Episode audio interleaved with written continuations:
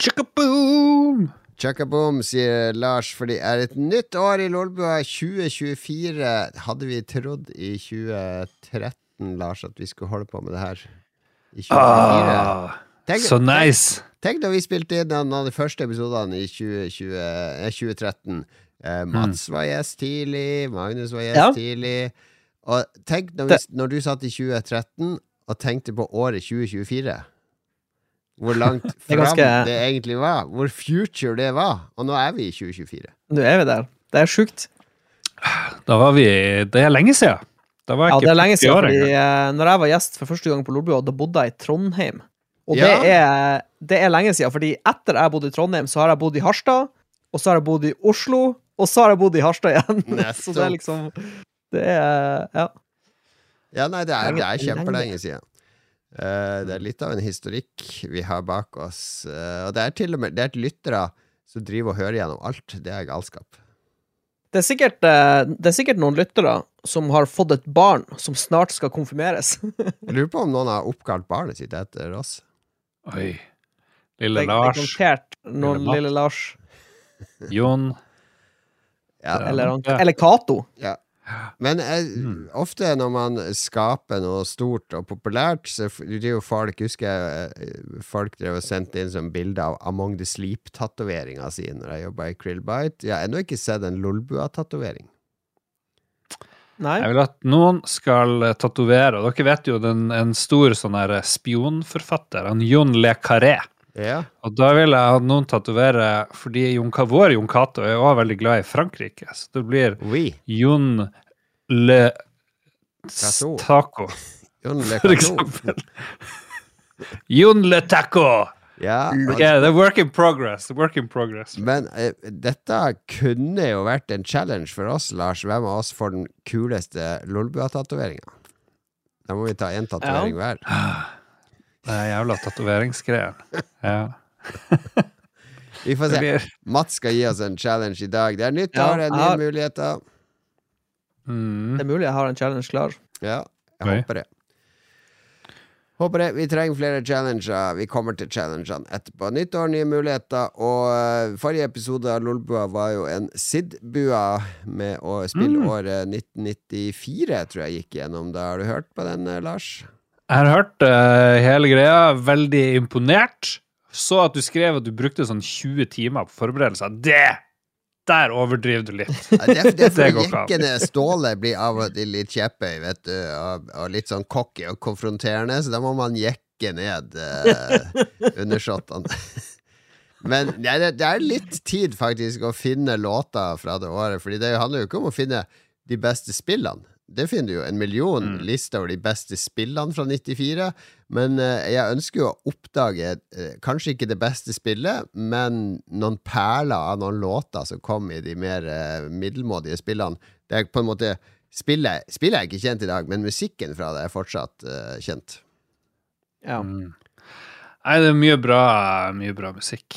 Det, det er en del av spillkulturen som jeg føler jeg har mista litt. Det er å liksom høre på masse spillmusikk det siste året. Så 2023 elendig spillmusikkår for min del. Så jeg vil gjerne ha en sånn Sidbua med 2023-musikk, så jeg kan høre alt jeg glipp av. For jeg spilte jo bare sånn gammel drit eller ett nytt spill og sånn der. Det var veldig lite. Ja, det er, jeg lurer på hvem du kan skylde på der. Det er jo deg! Det er jo du som ikke lagde Sidbua 2023. Ok. Men ok. Vi, eh, hva har skjedd siden sist? Hva, hva er det vi har gjort? Eh, hvordan avslutta vi 2023, og så videre? Jeg og Lars avslutta 2023 sammen, Ja, ja. Ja. Ja. da. med et par andre også. Det var ikke bare meg og Lars. Nei. Med Noen andre fikk raketter lov å være og med. nyttårsfest og Hva sto på menyen? Åh, bakt en- potet, hovedsakelig. ja, det var, det var uh, episk bakt potet. Bakt potet med sånn her uh, Bare se for deg en, boll, en stor bolle med masse bakte poteter, og så er bordet dekt av ting du kan ha oppi den bakte poteten. Hva, hva er det bare Skriv din drømmebakt potet, Mats. Putt opp, hva er det du putter oppi der? Okay, du, begynner, du begynner med å legge litt uh, ost oppi, Mhm. som uh, smelter pga. den ekstreme varmen. Approved? Eh, og, så, approved? og så har du oppi noe uh, supernice sånn, sånn stekt i små terninger chorizo. Ja, oh, Veldig sånn saftig, eh, spicy chorizo. Og så avslutter du med litt sånn eh, paprikablanding, og kanskje litt eh, rømme eller noe. Ja, ja, eh, men du, nå er du inne i litt raclette-landskap her. ja, ja, det blir, det blir som en uh, raclette-potet. Potetraclette. Sigarett og raclette. Ja. Nei, du har ikke sigarett oppi, uh, Æsj, oppi fysj, godt. poteten din, Lars. Hva er din drømmepotet?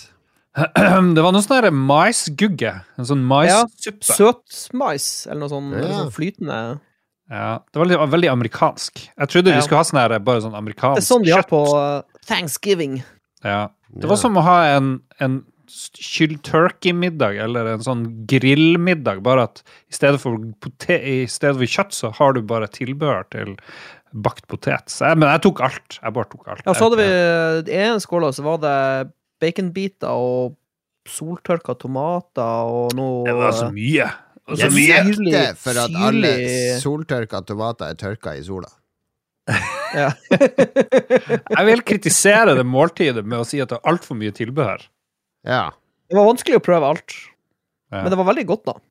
Ja for Det var, det var en morsom måte å presentere bakte poteter på. i, I den tida vi drev og, og festa og sånn i Oslo, Lars, på slutten av 90-tallet, og sånn, Mm. det drev desperat og prøvde å sjekke damer og sånn. Jeg husker jeg var en Ja, ja. dame eh, som jeg ble med en gang vi skulle spise nattmat, som dro meg Musa. ned på, Nei, ikke, ikke hun Jan. Jeg husker ikke hva hun her het.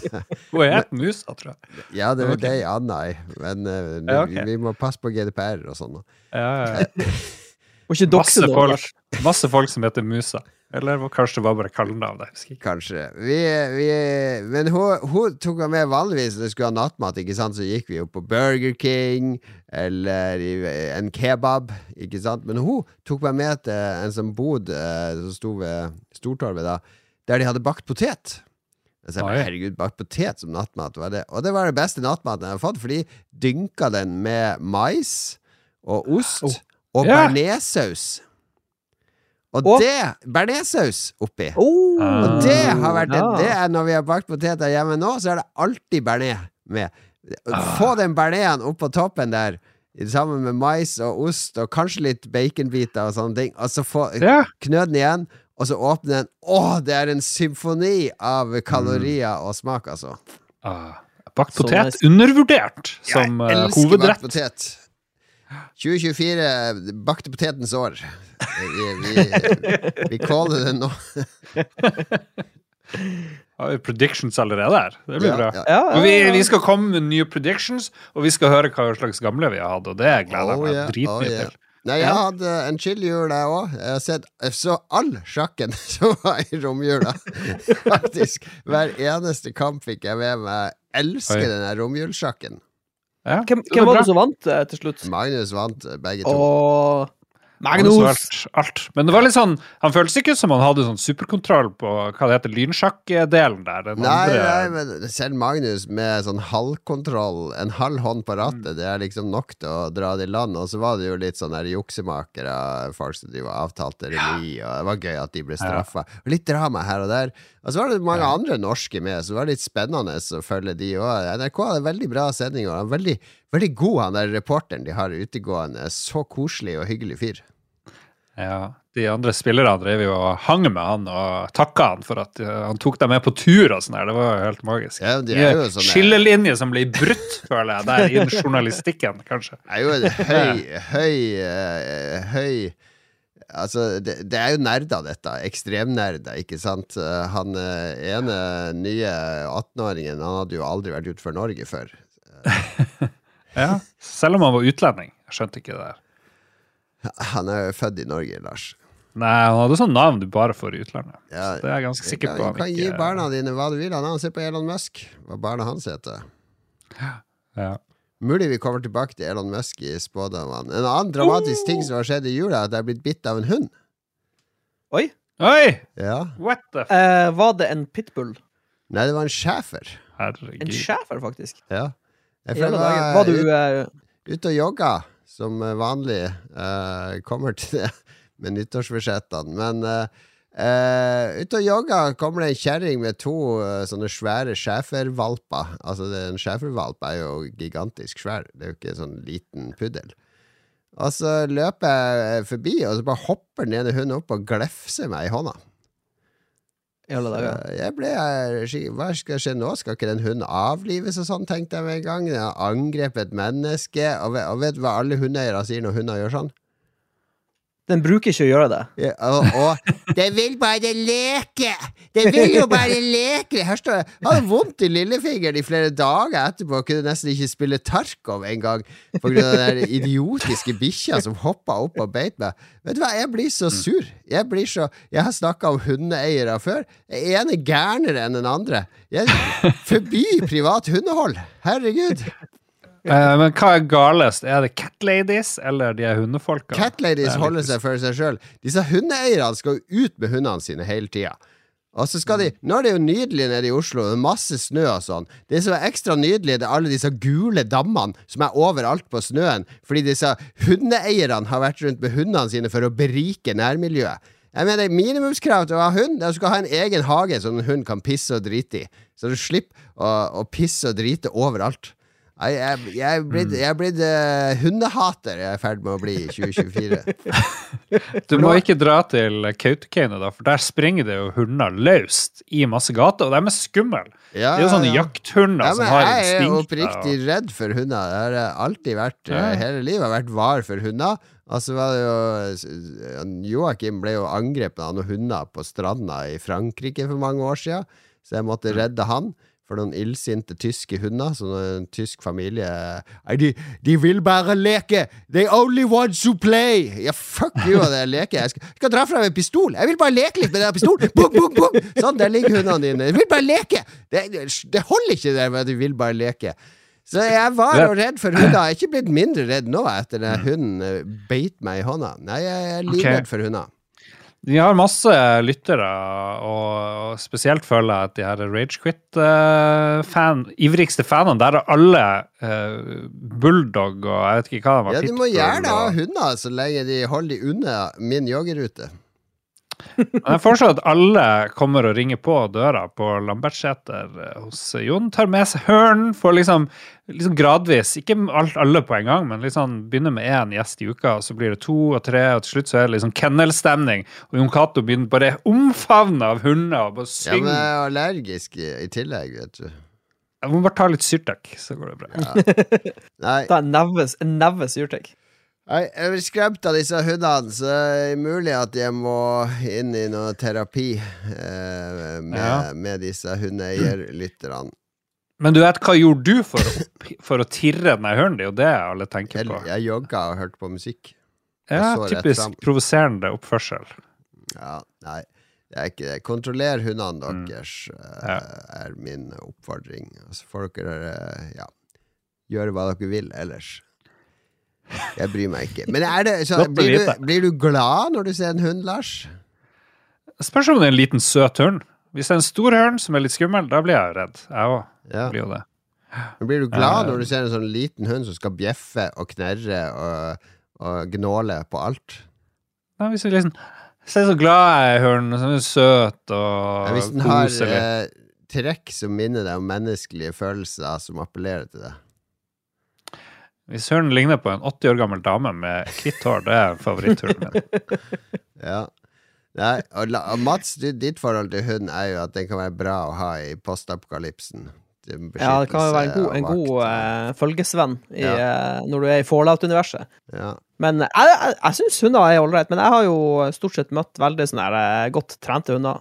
Ja. Og det, det har jeg respekt for. Det er folk som har brukt utrolig mye tid og energi på hunden sin, sånn at den er sånn superlydig, Ja, det, det, Men, er jeg fan av. Hunder som har en jobb. Altså sånn narkohunder eller blinde hunder og sånn. Der har de en jobb å yte. Ja, ja. Alle andre hunder er jo bare er, ligger jo bare og Og De forurenser jo bare. få jeg, det, er jo, det, er jo, eh, det, er jo, det er jo faktisk lov til å si det om hunderaser, men det er jo noen hunderaser som er smartere enn andre. Så jeg er litt fan av de her smarte hunderasene. De Er som det er lov å sånn si om hunderaser? Ja, det er dessverre noen hunderaser som er krenka her. det er, no, det er noen hunderaser hvor lyset ikke er på, og så er de veldig fort aggressive og litt sånn trasige. Og det er jo noen av de hunderasene som er ulovlige å ha. Er det etisk forsvarlig å utrydde de rasene? Altså ikke la de breede videre?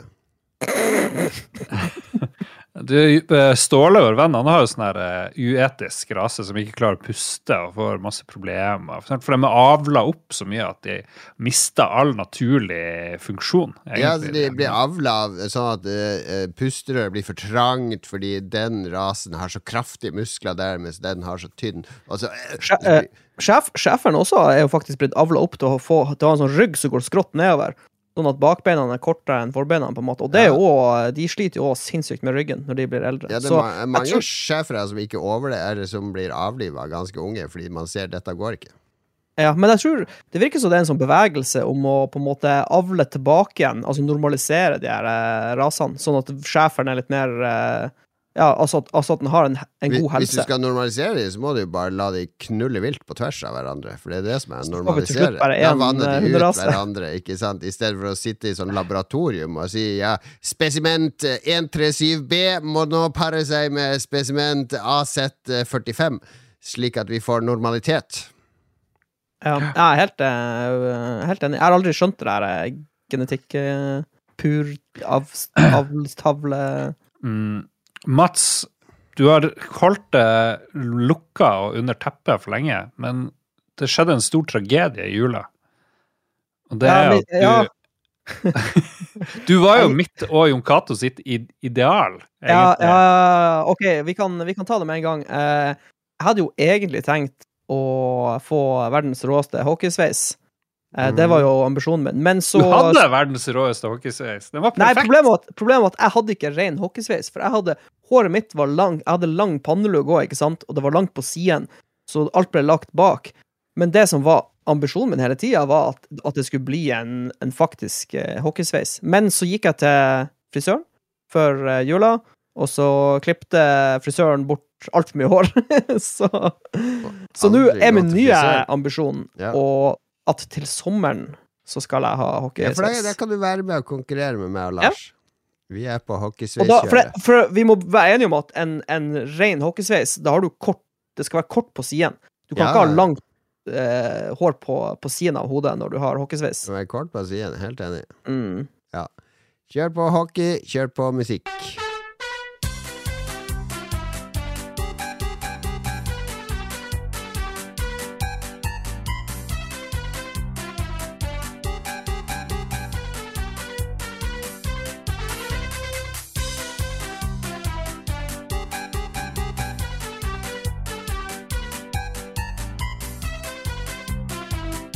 Litt eh, 2023-musikk der til deg, Lars. Nei, det var ikke det.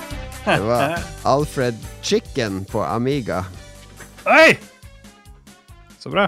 Nei, det var ikke bra. Det kan, ingen kan si at det der var bra. Det er bra at vi fikk litt Amiga-musikk. Alfred. Chicken. Alfred Chicken. Ok, vi er, ka- eh, Lars, du må gi Nei, Mats, du må gi meg oss en challenge eh, Ja. frem mot episode 500 for lyttere Ja. som ikke henger med. Jeg skal bare ta, dra folk les, le, raskt gjennom det.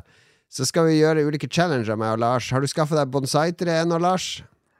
Nei, Nei. det har jeg ikke. Jeg har jeg heller ikke vært og kjøpt den. Jeg vet hvilket jeg skal ha. Har du spart til hockeysveis, Lars? Jeg holder på. Ja, den skal vi konkurrere i. Og så skal vi streame et spill sammen. Det må vi få til snart. Kanskje jeg og Ja. deg, Mats, skal ta den med inn i Tarkov? Oh, ja.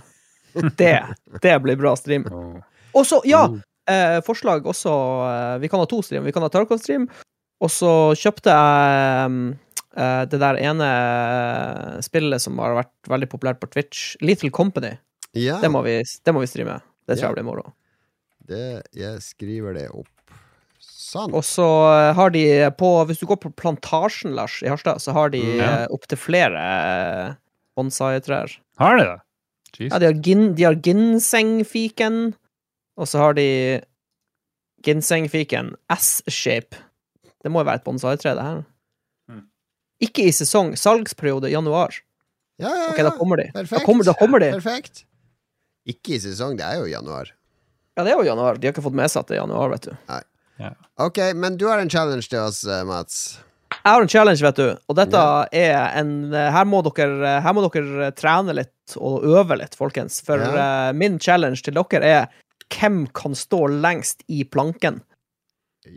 Oi. Hva er planken? Det er sånn på Planken, eh, da Du vet når du uh, gjør deg klar til å ta armhevinger, Ja. Men i stedet for å ta armhevinger, så går du ned sånn at du støtter deg med albuen Ja, og eh, forarmen. Og så, og så står du bare helt stiv i kroppen eh, til du ikke er klar å stå sånn lenger. ja ikke Og det noe- går veldig Det går veldig utover eh, kjernemuskulaturen og magemusklene. Det er det du har lyst til å Ja. ha. eh, Jeg er ganske sikker på at jeg kan stå sånn i timevis. Tror du det? Ja, i hvert fall en halvtime. Vi får se på Harstad Vi Torg i juni. Vi får rigge opp noe TV-underholdning mens dere står i planken. Må stå lengst i planken. Ja, dette må dokumenteres. Jeg kan, jeg kan være vakt, plankevakt, Ja, ja, ja. Easy challenge. Easy. Den Ja, der tar vi på easy. strak, eller på bøyd arm, blir det jo strengt tatt. Ok, da skal vi til uh, våre nyttårsforsetter i samme slengen. For nytt år betyr jo en sjanse til å forbedre seg, til å nullstille ting. Uh, så ja, vi, vi har vel ulike ambisjonsnivåer her. kan jeg si. Jeg, jeg kan begynne med mine. Jeg, jo, jeg er jo på en sånn der reise nå, ikke sant? For nå har jeg kutta ut godteri i juli i fjor. Det har ikke jeg spist siden da. Eh, Jeg har ikke tenkt å begynne med det i 2024. Nå er det søtsuget helt borte. Når det er godteri og potetgull og sånn i nærheten, så ser jeg ikke på det engang. Du bare flirer. Ja, Jeg gjør ikke det heller, jeg bare ignorerer det. Eh, men så begynte jeg å, løpe en del i høst, jogga en del, så jeg begynte å komme i OK form. Eh, og så fikk jeg til jul fikk jeg Haruka Murakami hva jeg snakker om når jeg snakker om løping. Han har skrevet Han er jo veldig glad i å løpe. Murakami sin hverdag er å stå opp, skrive, og så løpe ti kilometer, og så ja, slappe av og sove. Eh, det er basically livet hans. Altså løper han ett maraton i året. Men Han er hans jo gammel, mål, da, så han har lov å sove litt. hans mål er å løpe ti kilometer hver dag. Det, det er liksom idealet. Eh, og jeg- blir litt inspirert av det, fordi ti kilometer er liksom det jeg også løper nå. Det, er- det er en grei joggetur. Da har jeg kjørt meg litt, og så er jeg ikke helt sånn der kaputt etterpå. Og så har funnet en bra løype som er akkurat ti kilometer der oppe. Så mitt nyttårsforsett nå er å løpe 2500 km i år. Altså 250 dager må jeg løpe 10 km. Jesus Christ, 250 mil. Hva, kan ikke du bli sånn som av de som skal løpe Norge oppover, eller et eller annet sånt? Så får du jo gjort det. Det er vel sikkert Jeg kan ikke ta tall. fri. Pluss at her sprer jeg jo ut over mange dager. Det handler om eh, å ha en ting nesten hver dag som er eh, rensing av kropp og sjel. Det er, jeg kjenner igjen mye av det Murakami snakker om i den boka, hvorfor man løper. Fordi det handler om å tvinge kroppen. Altså Det er en sånn renselsesprosess. Det er en sånn psykologisk eh, renselsesprosess. Mm. Så det er, jeg begynte å føre løpedagbok. Jeg er i god rute allerede. Jeg har løpt eh, faktisk ti kilometer de fire Tre av de fire siste dagene har jeg løpt denne avstanden. Har du noe sånn her eh, oversikt over hvor, hvor langt du sprang i 2023? Hvor mange kilometer det ble da? Liksom? Ja, det, jeg har ikke, faktisk ikke sett på den, men jeg har det på den klokka Eller på den der uh, websida, så det kan jeg jo sjekke. Skal jeg Ja. sjekke nå eh, straks. Uh, og I tillegg til det så skal jeg prøve å kutte brus, fordi jeg har jo kompensert med Pepsi Max og sånn når jeg kutta godteri. For jeg hadde litt sånn søtkick fortsatt, men så har jeg kutta litt gradvis ned på det i desember, så nå skal jeg prøve å kutte brus helt. Hva det heter syndene, Summen av syndene er, er konstant. Så hvis du fjerner en synd, så erstatter du den med noe annet. Ja, ja jeg skal jo det? begynne med prostituerte og heroin, er jo det jeg har tenkt. Jo, jo. Det kan du gjøre. LSD er jo regna for ikke å være så ille. Nei, det Hvor mange kalorier er det i LSD? mm. Ja, det er det viktigste. Ok, litt kjedelig for oss andre, men helt Ja. fint uh, for deg. Eh, ja. Lolbø er også kjent som Jon Cato skryter over seg selv. Jeg prøver jo å og eh, Hva skal jeg si inspirere andre. Ja, du er jo et godt forbilde. Det er bra. Er han et godt forbilde? Ja, han har jo ikke spist godteri, og han driver og jogger. Det, det er gode verdier. Men har du blitt mer lykkelig av det her, føler du? Eh, ja, det vil jeg si. Jeg er mye mer balansert. Absolutt. Så det her at du har lyst til å drepe alle hunder, det, Det er bare en fluk. Ja, kanskje, ikke sånn- kanskje det er sånn evil-greier som, som uh, har begynt å slå ut. Uh, ok, her kan jeg få. Årstotalen min, kanskje. Har du funnet noe stats? Ja. Jeg tipper du har sprunget Eh, 1500 kilometer. I 2023 så løper jeg 814 km. Ja, men du starta kanskje litt ut på Jeg året? og starta helt i slutten av juli. Faktisk når vi var i Budapest på Formel 1. Det var Ja. da jeg begynte å løpe. Så da hadde det blitt ca. 1600 km hvis du sprang hele året? da Ja, Hvis jeg sprang hele året, så hadde det blitt eh, ja, 1700-1800 km, faktisk. Okay, ja. Så Da må det er du- ikke, du må så langt unna det Ja. målet. Altså, jeg har jo lagt opp ikke sant, 2500. Det, det betyr å løpe fem dager i uka gjennom eh, hele året. Og så har du to uker buffer, for jeg blir jo sjuk og sånne ting, ikke sant. Og så den ene dagen tar du sikkert litt mer enn ti, og så Ja, det kan man hvis man, farmen er sånn. Og så, ja. så jeg, jeg fører en nøye dagbok og nøye regnskap. Men jeg vil, er eh, jeg vil legge på en Jeg vil legge til en tredje ting, Jon Cato, på nyttårsforsettene dine. Og det er ikke bli maltraktert av en hund mens du er på joggetur. Ja, det er det. Sånn En av, de største, en av de største risikofaktorene. At det skal komme enda en gal hundedame. Kanskje du eh, Celine kan kjøpe kommer gående sånn, med bikkja som bare glefser i leggen min. Kanskje du kan kjøpe ei sånn lita flaske med sånn bear mace, sånn at hvis det kommer en sånn monsterhund springende, så kan du bare snu deg, og så bare tsk, tsk, Så får han eh, Ja, eller ha med som på film, ha med noen pølser på innerlomma. Så når det kommer en hund, så bare kaster de pølsene ut i grøfta, sånn at en hund går etter de pølsene i stedet for meg. Og så er det sovemedisin i pølsen. ah, Ja. Men eh, den her han, Haruki Murakami, boka som jeg nevnte for sikkert fem år siden, eller noe sånt, veldig mm. fin bok, enig der. Um, han jogger jo eh, maraton òg. Ja. Har du noen maratonplaner? Ser du deg Grete Waitz-løp? For, for meg er løping veldig intimt og personlig, så jeg har ikke lyst til å løpe med andre og sånn. Men det, jeg tr Mm. tror kanskje Jeg mistenker at den kløen kommer til å komme på et eller annet tidspunkt. Altså det der med å forberede seg til et maraton og gjennomføre Han løper jo også bare for egen del. Men uh, foreløpig så er det bare for å bevise for meg sjøl at jeg kan løpe ti kilometer hver dag, cirka.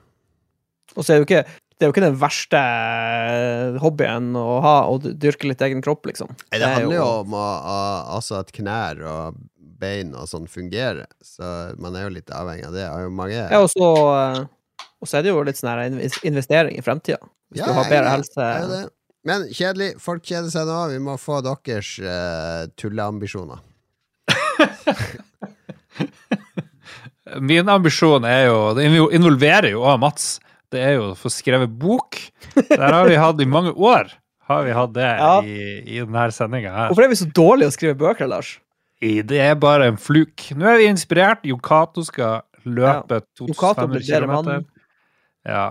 Hvis han kan gjøre det, så kan vi skrive en kjapp bok. Ja. Den kan ikke være så lang heller. Hvor vanskelig kan det være? Jeg skal også skrive bok, men jeg orker ikke å ta med for mye. Nei da.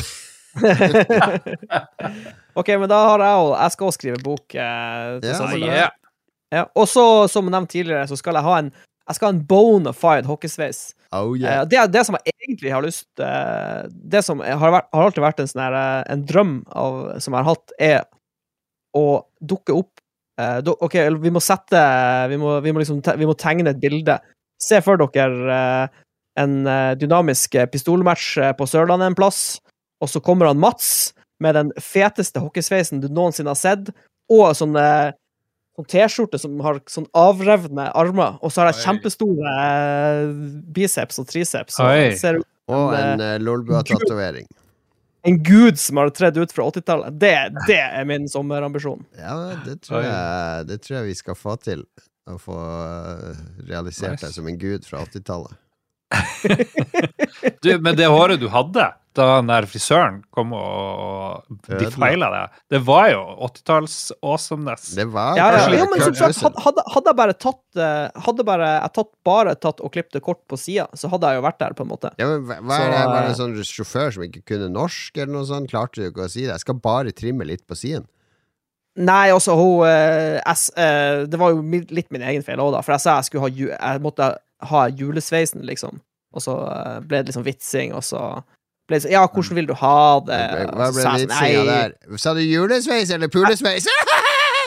Og så- er det altså i eh, frisøren sitt forsvar, så ja, veldig frie tøyler, egentlig, til eh, prosjektet. gi frisøren frie tøyler.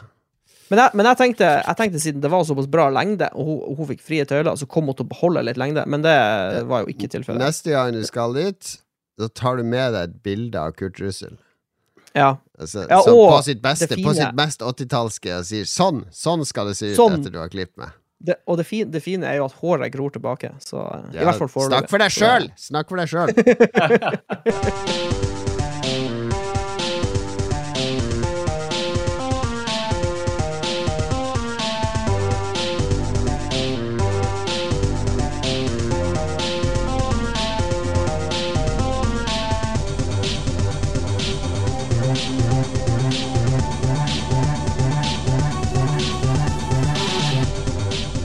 Mer Amiga-musikk til deg, Lars. Dette er fra spillet Psygnosis-spillet Awesome. Åh, det Oh, husker det er rom, romskipsspillet. Er du en sånn ugle der? Er det awesome? Eh, Ugla var jo logoen til Psygnosis, var det ikke det? De hadde sånn Ja, jeg tror det var det. Ja. Så her, nå kommer sommerkroppen, gutta. Nå er jeg i gang. Oh, yeah. Jeg ser det. Uh, nice. Kanskje vi skulle er ha en, en av challengene vi burde ha, er å lage en sommerhit. For det er jo sånn som Mats Hansen og Linni Meister og alle Oi. bare kan snekre sammen. Og vi har jo sikkert Vi har jo lyttere som bare kan lage noe eh, teknomusikk Ja, vi har til oss. Normani. Han kan jo sikkert lage noen sykt fete bits Ja, ja, og han kan autotune oss og alt mulig, så vi, vi må jo bare lage en eller annen banal tekst og noe refreng. Kanskje få med en syngedame. Jeg kan få med slangen fra Harstad. Han er jo big as fuck. hvis vi får med han, så blir det jo en reell sommerhit. Da får vi jo hundretusenvis av lyttere på Spotify. Dette er en plan. Dette er en plan. Vi må skrive opp så vi ikke glemmer det. Herregud. Herregud. 2024. Lage sang med slang. Sommerhit. Med slangen. Ja, Yo, yo, pang, pang. Ja. Slaget fra Harstad og Lolbua er her med årets sommerhit. Ja, det, har, det, dette, det, det er bankers. Det, skriver, det skriver seg sjøl. Det blir VG-lista. Det blir opptreden på VG-lista. Topp 20, Lars, på Rådhusplassen. Åh, jeg kjenner jeg fikk, fikk litt lyst til det. Ja. Jeg tror eh, slangen har godt av eh, litt, eh, litt større publikum, som man kan få gjennom oss. altså. Oh yes.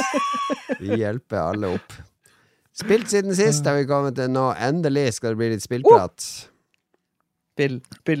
Oh. Jeg har jo sett Det som jeg er mest spent på, er jo eh, faktisk eh, Lars, som i ti år har sittet sånn her VR! Nei, men dette er VR! Kom Nei, skal du VR? Nei, det er nå ikke noe Vi kommer ikke til å ta over, dette VR! It's Nå. a fad. Nå har han vært hjemme hele romjula inni VR-headsetet sitt. Jeg har vært i VR Meta Hva heter det for noe? Quest 2, i hvert fall. Quest, o Oculus Quest. Oculus, ikke Meta. Ja, det heter Meta Oculus Quest 2. heter Meta, det heter vel Meta Quest nå. Ja. Og det er overraskende bra. Fremdeles en, eh, en blindvei, muligens. Men jeg hadde det veldig gøy, spesielt med, med hva det heter Superhot. Superhot. Fantastisk spill. Super hot! Ble det først lagd som et VR-spill? For jeg husker jeg spilte det Ja. som sånn her browserspill for Ja, 1000 ja, år siden. du har sikkert spilt noe som ligner. Superhot, som vi kjenner det, har alltid vært et VR-spill. Alltid vært VR. Og det, polsk, eh, polsk spill, eh, dette som jeg tror var veldig tidlig ute eh, med Ah. VR. Det det kom alle, i eh, februar 2016, Ja. oh. faktisk. Det er åtte år gammelt. Men det å kunne ha ett våpen i hver hånd, uh, slippe våpnene, eh, hive dem opp i lufta, dem. plukke dem ut av lufta, kaste kniver, eh, parere kuler med øks og alt det der der, sinnssykt tøft. Utrolig gøy. Klarer å spille ca. et kvarter før jeg kjenner at Eller 20 minutter før jeg må ta pause. Um, men det er veldig bra for sommerkroppen, for du, liksom, du må liksom krype ned, og du må stå opp, og du må dodge, og det er jo, det er jo superimmersion. Plutselig så, så er jeg liksom Jeg eksisterer inne i, i en spillverden, og det er første gangen jeg har Ja, altså opplevd det. VR, VR er den perfekte plattformen for skytespill. Det er helt, eh, helt utrolig hvor bra det fungerer. Og så er det ikke noe ledninger. Det er jo det beste med hele Oculus Ja. Meta Quest. Ja. Det er Jeg tror det er det som er Du, du ser jo De fleste går jo mot trådløst nå. Det har kommet nytt eh, meta-headset òg, Quest 3, som jeg har egentlig veldig lyst på. Det ser veldig bra ut. Ja, det skal være bra. Mm. Og så har jeg spilt Mule, et annet um, VR-spill, hvor det er du, du ser en liten verden. Du, ser, du, er, du styrer en liten mus. Moss. Mule? Moss. Jeg har drukket mye Moscow Mule. du spiller en liten mus som er på en sånn quest. Han ser ut som en liten ridder. Ja. Og, så, og så kommer han inn. Det er, det er som om For nå sitter jeg jo ved et bord. Det er som at jeg ser han komme gående på bordet. Så kan jeg styre han mellom eh, skjermen og, og musa og hoppe opp dit og der. Bare at han er i en fancy-verden. Men han er rett foran meg. Han er liksom der. Jeg kan se over, og så bare Oi, der er en sånn hidden shit eh, bak den steinen der. Fordi jeg må gå liksom og kikke litt oppå det her eh, bordaktige greia der, tablået, eh, som, som er foran meg. Utrolig sjarmerende spill. Du kan liksom Oi, der er en stein han kommer seg ikke i. Da tar jeg og plukker opp steinen, gir plass til den musa som kan komme seg hit og dit. Mm. Jeg kom på Det er en av VR-favorittene. Det er Moss, så du har valgt gull. Mm, Ja. Jeg spurte, spurte lytterne, seerne, Ja. lytterne, om hva jeg burde laste ned. Så det Mm. kom med gode tips. Hva med pornoen, da? Vet du hva, jeg nevnte porno til uh, samboer, og det har ikke skjedd. Jeg føler at det er mer sånn ensom mann-ting, eller ensom kvinne-ting. Hvis du bor i hus med noen, så er det, det er liksom Jeg vet ikke. Ja, VR-porno Vi er jo eh, Ja. Det er ikke sånn partytilværelse å drive og gå rundt naken med boner og se på VR-porno, liksom. Nyt, nytes best i ensomhet. jeg tror det. Tagline til VR-porno. Ok. Ja, nei, jeg har spilt uh, Mitt store romjulsspill har faktisk vært Star Ocean Second Story R. Uh, som er ute på Steam. Bare sjekk det på Steam. De Steam-reviewene det har fått, det er jo eh, eh, overwhelmingly positive. Uh, Ai, ai. det er en remake av et gammelt PS2 eh, Star Ocean-spill, tror jeg. PS1 eller PS2. Uh, Eh, med en ganske kul stil, først og fremst, fordi alle figurene er sånn 2D-piksler. Eh, men med Det ligner litt på det Octopath Traveler, de figurene, Ja. med sånn lyssetting og sånn. Men bakgrunnen er skikkelig sånn 3D-grafikk, sånn som vi kjenner fra Ah. PS2, PS3. Men med veldig kul kameraføring, så man beveger seg inn og ut i landskapet sånn når man beveger seg. Så jeg ble veldig imponert av det. Og så er det Jeg har ikke spilt noe Star Ocean-spill før, men det er jo basically sånn japansk Star Trek. Eh, med First Directive og sånne ting. Eh, men så ganske fort så blir du, du Helt i starten av spillet så blir du transportert via en sånn portal til en sånn fantasyverden der de ikke har teknologi. Så det blir sånn- Isekai! ja, så det blir litt sånn tradisjonelt JRPG. Men eh, altså begynner det veldig enkelt. Eh, kjempeenkle kamper og lett kampsystem. Du løper, du trykker liksom Det er sånn action-kampsystem, så du trykker liksom for å angripe. Så kan du, har du forskjellige typer angrep på skulderknappene og sånn.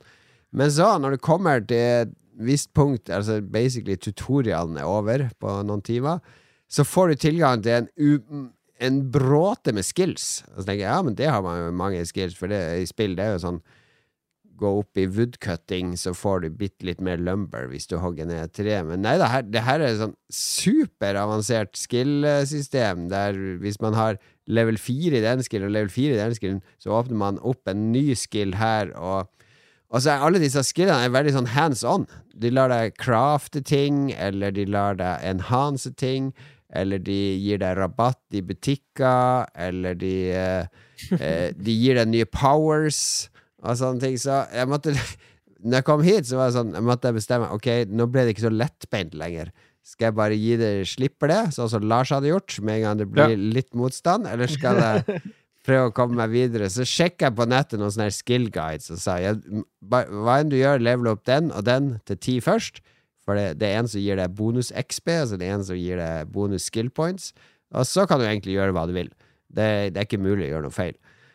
Så det har bare fulgt det, da. Og øh, nå skjønner jeg for så vidt det skill-systemet bra nok, og har et svært party og driver og går rundt og, og slåss. Og, og så plutselig så spika vanskelighetsgraden seg opp òg, sånn at de kampene ble litt vanskelig. Du må være var på den og den fienden, for de har sånn one-shot-spill. Så hvis jeg ser at de begynner å aktivere det spillet, så må jeg med en gang flytte meg unna, eller eller angripe de. Og det ble mange sånne nye taktiske elementer. Så det er, det er faktisk så bra som de reviewene sier. Eh, skikkelig gjennomført. Føles som et gammelt, klassisk JRPG i moderne innpakning.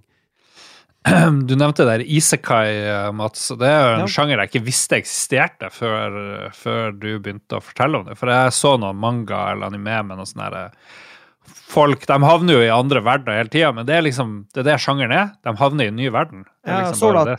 Sword Art Online var jo en av de virkelig store katalysatorene for den sjangeren. Mm. Mm. My lord. My lord. Nei, det hørtes bra ut. Så veldig kult ut. Ja. Nei, bortsett fra det, så er det jo ny vibe i Tarkov, så jeg har vært innom litt der, og det artigste der er jo at det er jo snø plutselig i Tarkov. Ja, det, det er jo helt amazing var- å gå rundt i snøen. Det var en av de kuleste revealene jeg har noensinne sett i et spill. For det som skjedde, var at uh, de wipa Tarkov, det kom et no, ny stor patch, nytt kart og masse, masse, masse, masse endringer. Men uh, wipen var helt vanlig de første dagene. Men på den tredje dagen eller noe sånt, klokka åtte på kvelden, plutselig, så ble det, uansett hvilken raid du var i, på alle, alle raidene i Tarkov, så, det, så forsvant vinden helt, det ble musestille, og så blåste det opp til sånn gigantisk snøstorm. Og så la bare snøen seg på alle kartene over hele Norvinsk-regionen, liksom. Så alle kartene ble snøkart live Mm. klokka åtte i Tarkov-raidene. Det er noe av det råeste jeg har sett, og det var helt knirkefritt, knirkefritt liksom. Det Ja. var, ja, det var dritkult. Men jeg har bare prøvd så vidt, fordi de har begynt med De har gjort om på Før har det vært de samme startquestene, og alle skal finne Saleva og Gas Analyzer, og skal på Mm. customs masse og sånn. Men så nå har de lansert et nytt kart, Fordi nå skal vi gjøre det litt mer nybegynnervennlig. Vi har sånn kart for bare level 1 til 20, med sånn nybegynner-quest. Så tenker jeg, å, så smart. Og det, Ja. Men det kartet er For det første er det jo bitte lite, eller det er ganske lite. Ja. Uh, Det er ikke så lite som Factory, men det er mindre. det, er som, eh, det ja. er som et bykvartal i, nu, i, på Manhattan. Ja, ja, du kan, ja, kan si det sånn. Det er som halve customs, føler jeg. Halve Ja, customs. Det er, ja, det er korrekt. Og, og, og, for, og for det andre så slipper de jo inn 10-12 spillere, eller noe sånt, på det kartet. Ja, det, det er opp til tolv PMC, og det er helt krise hvis du er Det er helt krise, for jeg går inn solo og skal prøve å gjøre disse ganske enkle taskene, egentlig, som bare er å besøke noen steder, eller å uh, extracte med en bil.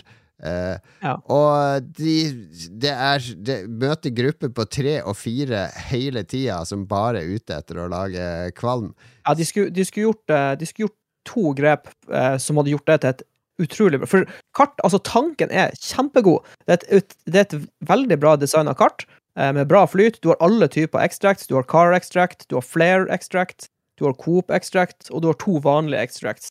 Mm. Eh, og liksom layouten på kartet er så fint, for det, du har ei hovedgate, og så har du tre kjempestore bygg, og så har du noen småbygg. Ja. Eh, sånn skyskrapere og sånn.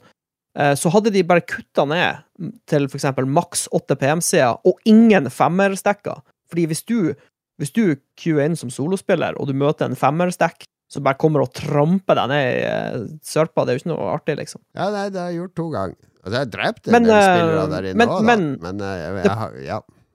det positive er jo at nå, ei uke etter wipen, så er jo de fleste superhissige guttene De er jo over level 20. Så nå, hvis du går inn på Ground Zero, så er det jo sikkert mye lettere å spille spillet, vil jeg tro. ja, men akkurat det er jo sånn Twitch-uke og sånn nå, så det er ganske mange eh, spillere som Ja, men de kunne, som du sier, de kunne, med, de kunne trygt eh, senka maks antall spillere for å gjøre det litt eh, lavere tempo. Ja, De kunne gjort det til et rent solokart, spør du meg. For da hadde alle gått inn solo og vært like nervøse. Ja, men jeg tror de er litt forsiktige med å de, de vil ikke at det skal bli for lett heller, på en måte. Du skal ha den der, eh, den der fry, frykten. Ja, frykten er der uansett. ja. Men ja, eh. Veldig, eh, veldig bra Tarkov-wipe så langt. Stort sett alle endringene de har gjort, er kjempegode endringer. Det er jo veldig sånn teknisk, noen av de endringene, men fra et sånn uh, skytespillperspektiv er det alt er et for det beste. Ja. Har de gjort sånn at du kan donere lut til uh, Putins styrker som skal inn og ofre seg mot uh, nazistaten Ukraina? Nei, du, du kan ikke gi penger til russerne uh, i Tarkov. Bortsett fra utviklerne. De kan ja. gi penger til. Nei, det, de er- virker som de er litt mer gjerrig på ammo òg, så folk må bruke litt mer rusk og rask. Ja, det er veldig Det er veldig sånn Alt De har liksom De har kvelt omgjort. Uh, skytinga er jo mye enklere nå. Eller skytinga gir mer mening, og så har de jo endra helt på armor-systemet. det er jo et av de mest kompliserte armor-systemene noensinne i et skytespill, men det er jo bare morsomt. Yes. Nei, men folk er lei av å høre om Tarkov i Ja, jeg kan uh, snakke litt om et annet spill jeg har spilt uh, yeah. i romjula, som heter Death Must Die. Som yeah. er intet mindre enn en kombinasjon av Vampire Survivors og Hades. Uh. Så du har gameplayet til Vampire Survivors, og så er tematikken til Hades der. Så du, du, du flyr rundt på, sånn, eh, på et kart, og så er det sånn autoattacks som snurrer rundt deg. Og så møter du forskjellige guder som gir deg powers og uh, gaver. Og så skal du prøve å drepe uh, Count Dracula av en eller annen rar grunn. ja, ja, Castlevania også, han er en kjent fiende. Ja, ja. Men det, det, er liksom Det er ikke, noen, ikke noe banebrytende, ikke noe nytt. Det er bare veldig sånn smooth pixelgrafikk pixel-grafikk og eh, tight uh, gameplay, og alt, alt klikker og funker og ja. Men det er jo sånn her Jeg spilte det 14-15 timer, og så var det Ja, da var det greit. Kan jeg vente på ei uh, stor oppdatering med et nytt kart eller uh, nye klasser? For den er vel fortsatt i early access? Early access, jepp. Ja. Men veldig, veldig god start til å være early access, vil jeg si. Jeg kan mm. si avslutte med et eldgammelt spill som uh, av en eller annen grunn så har de Harstad-gjengen vår begynt å spille det. Det er vel et spill Ja, Zomboid. ja, det er jo et eh, elleve år gammelt spill. Project Zomboid. som er sånn Ser ut som The Sims, bare med zombier. Sånn 3D-isometrisk, veldig basic grafikk, egentlig. Men det har jo mange av disse elementene som Mats liker, sånn der hyperrealisme med skader og uh, item management, og hvis du blir ja, ja. våt, så må du tørke deg. Og sånn, sånn der idiotrealisme. Hvis du blir sulten, kan du spise, men hvis kjøttet er rått, så kan du bli sjuk, og hvis du får, ja, det kan bruke en stekeovn, osv. Det blir ikke bedre enn det. Det er litt artig. Jeg spilte, spilte litt med, med, Egentlig bare én gang med Harstad-folka. Spilte litt solo for å lære det. Det er jo, er jo veldig Det er jo et spill som de har spikka på nå i sikkert 15 år, de som lager det. Indistan. Ja, ja. Uh, og som bare blir lagt til flere og flere småting og funksjoner og bitte små ting. Så det er jo veldig dybde her. Altså, det var veldig gøy å spille fire Vi spilte fireplayer coop. Eh, og da var det jo en som ble bitt av en zombie, og han må jo ut og ta livet av seg og lage en ny karakter og litt sånn. Og så kan man se på TV for å gå opp i skills. Det er et veldig absurd spill. Jeg kjenner når jeg beskriver det. Men sånn fin tidtrøyte med venner, med akkurat eh, nok challenge-rating.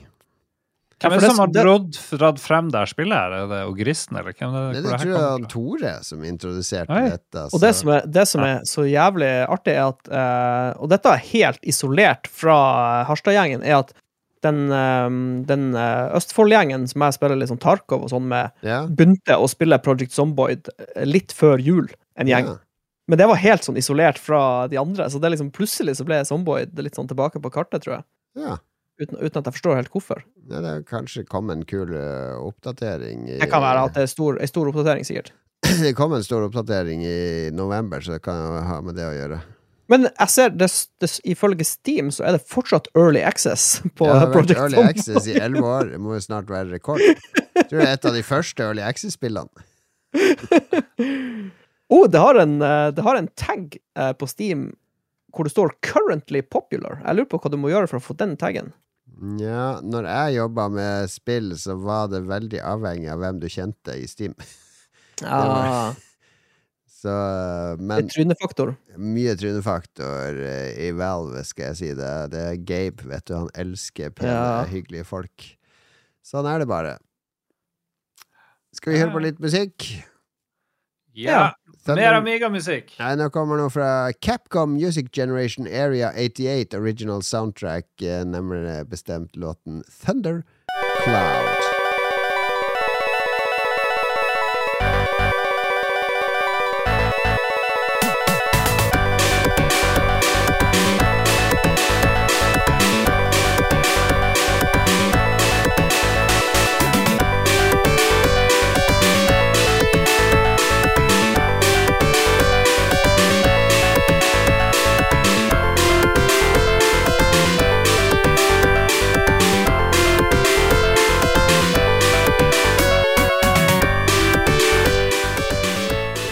At jeg skal rekke å løpe mine ti eh, kilometer i dag, så har vi bare spådommer og lytterspalt igjen. Ingen anbefaling i denne episoden. Yay! Det er folk har fått så mye fint til jul, så de trenger ikke å få anbefalt nye ting å kjøpe eller investere i. Nei.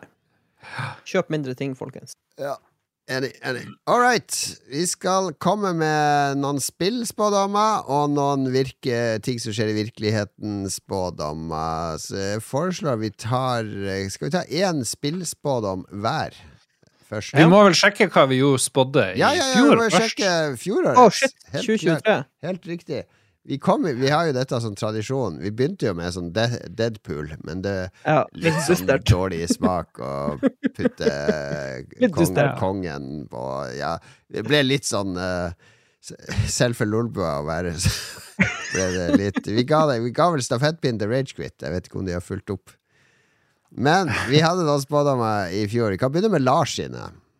Eh, Lars spådde at han skulle streame på sin PC minst tolv ganger. Ok, jeg streamer på ish på Snapchat. På Tell ikke. Ja. Tell ikke. Tell ikke. Null okay, ganger. Failed. Du spådde også at det kom en Sega Dreamcast Mini. Ja, det var bare tull. Ja, feila der òg. Og så spådde du at Embracer Group kjøper Ubisoft. Ja, dessverre så driver de og gjør det motsatte. De driver og sier opp folk. Hvor Ja, dårlig er for Embracer? De holder på å gå konkurs, de. Så du traff Ja, ja. på null. Null eh, spillspådommer traff du på. Beklager. Mens jeg spådde at uh, World of Warcraft blir free to play. Og det ble det definitivt ikke. I stedet så fikk du en voldsom revival, takket være Season of uh, Discovery og, Oh, yes. og hardcore, hardcore. mode. Og, Ja. eh, de, har, de har virkelig klart å snu fra å være sånn Nei, ingen vil spille Wow Classic! Ingen har lyst til å spille den gamle dritten! til å bare catere til kjernefansen. Ja, og så har de jo annonsert eh, eh, tre expansions, og de har virkelig store planer, så Ja. ja. Jeg spådde også at dataspill får skylden for idrettsfrafall. Jeg er usikker på om det har skjedd, men det skyldes jo på Ja, dataspill er over en lav skole. i- Litt i debatten fortsatt. Skjermtid har liksom tatt over for dataspill. eh, Ja. Og sosiale medier er også i ferd med å ta over for dataspill. Så jeg, la, jeg, kan, jeg kan ta et halvt poeng for den. Ja. Fortsatt idrettsfrafall. Er Og så spådde jeg at Lolba lager sitt første spill. Det ble det jo ikke noe av. Åh. det, blir, vi skal jo lage vår første sommerhit, så det blir eh, årets spådom. Ja. Nei, eh, ja, det blir årets. Eh, Halvt poeng til meg, da. Altså Mats sine spillspådommer. Stalker 2, Game of the Year. Jeg ble utsatt. Ja. Forbannede krig. Forbanna krigen.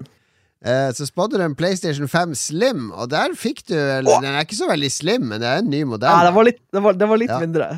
Og så litt mindre. og så spådde du at Steamdeck lanseres i Norge. Og eh, strengt tatt er den ikke lansert på Sti via Steam. Men du får kjøpt den. Du Ja, Elkjøp. på Elkjøp har den.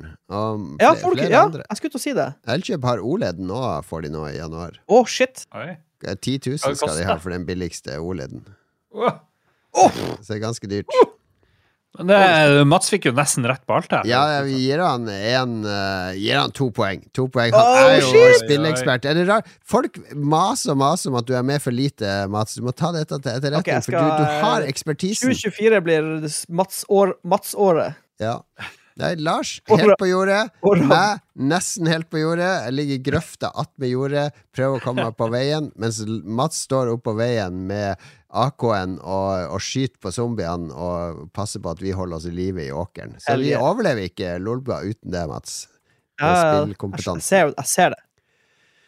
Ok, men så var det virkeligheten. Hvem av oss kan virkeligheten, eller forstår virkeligheten og samfunnsutviklinga best? Eh, Lars spådde at kong Harald abdiserer. Hadde du bare sagt dronning Margrethe! Ah, så close! Å, So så nært. Så nært. Nå blir han abdisere i år, fordi han har sett og Margrethe nå- Han er jo nesten død uansett. Han har sett uh, Margrethe naken, trodde jeg du skulle si det. Ah, snap. Ok, nei, men han har ikke det. Ståle kommer på tredjeplass i The Voice. Nei, han kom vel på uh, sisteplass av de som gikk videre, eller noe sånt. Og en av de første som gikk ut etter at uh, alle hadde gått videre. Fuck! Ja, scam, hele det The Voice. Ja. Ja. Og, og så spådde du at Elon Musk dør. Han kan jo ha dødd, vi bare vet ikke. Er vi sikre på at det er en ekte Elon Musk som er i live? Null poeng der òg. Ah, det går ikke så mye bedre for meg, skal jeg si det. Fordi jeg spådde at Follow-tunnelen ble utsatt til 2024. Den, skal de oppgradere en del på. Det er noen sånne greier som er utslitt der allerede, så jeg gir meg et halvt poeng her. Og så Du er spådde jeg med deg sjøl. Og så spådde jeg at Lars selger huset og flytter til Finnmark. Nei. Ja, Ikke, ikke i år, i hvert fall. ikke i i 2023. Og så spådde jeg at AI blir forbudt. Men det er, er ikke forbudt ennå. Det er ikke forbudt ennå. Nei. Så det var dårlig. Et halvt poeng på meg der òg. Det må jo se om Mats briljerer her òg. Mats får eh, at vi får First Contact i 2023 med aliens. Det kan, det kan ha skjedd. Vi vil jo mest sannsynlig ikke få vite om det. Ja, men uh, First Contact i uh, min forstand er at det går på alle TV-kanalene i hele verden. ja. Ah. Det blir en sånn scene som i Independence Day, at Ja. alle står og ser opp. They're here! svære They're here! Ja. Eller står og ser på samme TV-kanal. Eh, det er null på den. Mats spådde også at Ståle vinner The Voice. Fuck! Vi var veldig gira og po positive. Jeg var så klar for at han Ståle skulle vinne The Voice. Men så har du en spådom som eh, Det her må du sjekke, for det her har ikke jeg kontroll på. Du, du spådde at krypto kom på billigsalg. Bitcoin under 6000 US dollar.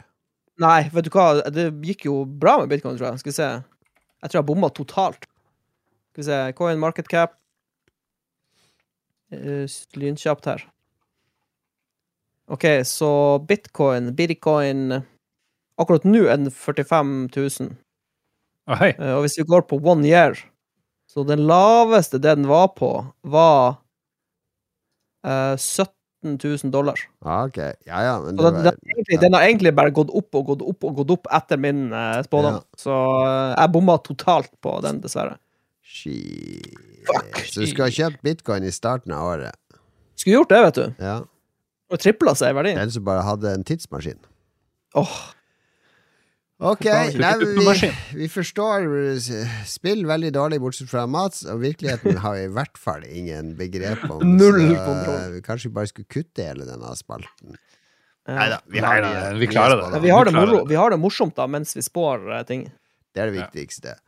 Ok, spillspådommer 2023. Min første spillspådom. Vi tar én hver. Eller har du bare én, Mats? Har to. Ja, ok, da tar jeg min, min første. Er at eh, Sony eh, skalerer ned spillsatsinga. Stor Oh. omorganisering i selskapet for å møte Oh. markedets behov på tvers. Oi. Fordi Oi, de, oi, oi. de begynner å sakke akterut nå. Altså, de, de har noen få kanoner, men de Og nå er PlayStation tilgjengelig for alle, så de har liksom metta markedet med PlayStation. Jeg føler PlayStation er ikke så ettertrakta lenger. De, Microsoft gjør mye med Xbox Live, og vi kommer til det senere i en av spådommene mine, og GamePass og sånn. Men det er litt sånn yeah. Folk er litt uh, avventende. Ja. Jeg er tilbøyelig til å være enig. Mer om det senere. Uh. Ja, nei, det er Ja. min, min eh, spådom nummer én på spill. Hva med deg, Lars? Skal vi se. Spillspådom. Min første. Nintendo Switch 2 kommer ut i år og blir sykt populær. Ja, det vet jo Det alle. er min. Det, ja, Det er ingen som vet. Det er ikke bekrefta at det Hør, kommer i hør år. han skal safe seg nå. jeg tror vi eh, Jeg tror til og med de vet hvilken Nvidia-chip de skal ha i den her eh, switchen. Det er ingen som har bekrefta det her. Den er, noe er vist frem på Gamescom, det er det eneste eh, man vet. Er det ikke det? Ok, Jeg ser poeng i skal få lov- 2024! Du skal få lov okay. å komme med Jeg prøver, jeg prøver nok en gang å se inn i krystallkula og spår at Light No Fire kommer ut mot slutten av året og blir den store smash-hiten på alles eh, lepper. Alle går inn i den der Mm. jordstørrelsen av en fantasiverden og koser seg med vennene sine og er på eventyr som aldri før. Ja, jeg kan kjøpe den. Jeg kan kjøpe den. Eh, men det er på min kritiserte Nintendo Switch-spådom, så sier jeg samtidig at den blir sykt populær. Og det okay, sykt populær. Ja. Det er jo det er kanskje ikke sannsynlig. hvor mange units selger de eh, i første året, Lars? Hvor mange selger de her PlayStation og Xbox og sånt? Jeg vet ikke. Ja, det er sånn Par her mil? 100 millioner Ja, de selger ikke det til sammen. Ikke på launch, liksom. Er, Nei, ikke på launch. Kanskje, kanskje selger noen millioner. 25? Nei, de klarer ikke å produsere så mange. Nei, det er, 15? Nei. jeg vet ikke. Det får være en egen eh, spalte. Hvor mange de selger. En egen. Ok, min siste Min andre spillspådom. Uh, Xbox og Microsoft har et uh, helt OK 2024, men uh, flere syv av ti-spill. Fordi, se på, se på Xbox det er i- ikke lov. Se på Xbox i 2023 av de Xbox-eksklusive storspillene. Starfield, maks 7 av 10. Og så har du Forsa med. Det er minst uh, impactfulle Forsa i historien. Og hva annet har du? Du har det Redfall, eller hva det heter. Det vampyrspillet som floppa fullstendig. Det er Microsoft eksklusivt. Altså, de har ingenting å by på spillmessig. De har mista det. De, de, de satser ikke på det som er originalt eller nyskapende eller kreativt. Det er bare å dure fram med syv av ti. Xbox for meg er syv av ti. Ok. Jeg tror ikke det kommer husker- noen Xbox-eksklusive spill i 2024 år som, 2024 som kommer til å stå fram som Goti-materiale. Men eh, kan ikke vi kan, Er du enig, Mats, i at GamePass er faen meg helt sinnssykt bra? At det er så mye bra der at det er helt ko-ko? Jeg, jeg, jeg er liksom ikke helt i kundegruppa til GamePass, Nei, det er ikke jeg heller. heller. så jeg vet liksom ikke Jeg har ikke noe Ja, men Det er som å si at Spotify eh, er kjempebra, for det er sykt mye bra musikk der.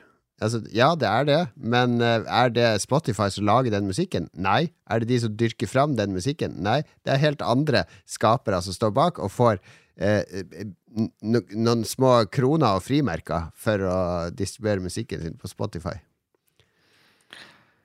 Ja, men Ja. eh, kan de ikke spise kake hvis de ikke har brød? Sier jeg bare. Ok, skal jeg spå nå? Ja. Ok.